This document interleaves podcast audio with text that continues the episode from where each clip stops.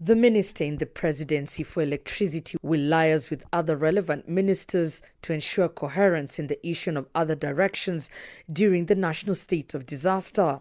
President Cyril Ramaphosa says the minister will remain in office as long as it is necessary to resolve the current electricity crisis. I'm therefore announcing the appointment of a minister in the presidency responsible for resolving the energy crisis, of course, working with whole range of other entities.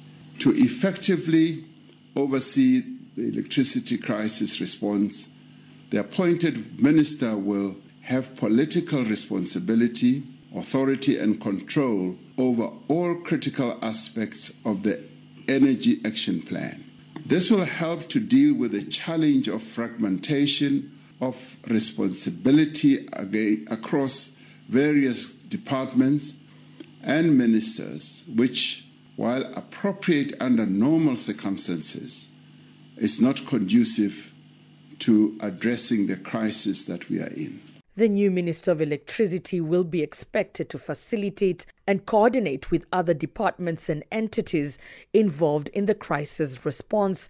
He will also work with Eskom leadership to turn around the performance of existing power stations. Ramaphosa says, in terms of Section 97 of the Constitution, he will also transfer to the minister certain powers and functions contained in relevant legislation. In the State of the Nation address, I announced that a national state of disaster had been declared to respond to the electricity crisis and its social and economic impact.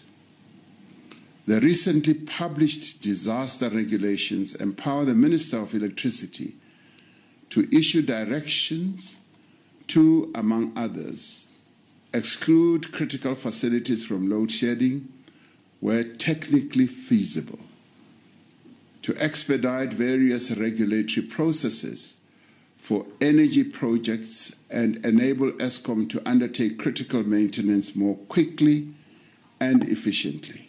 Ramohopa was appointed by President Ramaphosa to head the Investment and Infrastructure Unit in the presidency, a position he held until this week. Amina Akram, SABC News.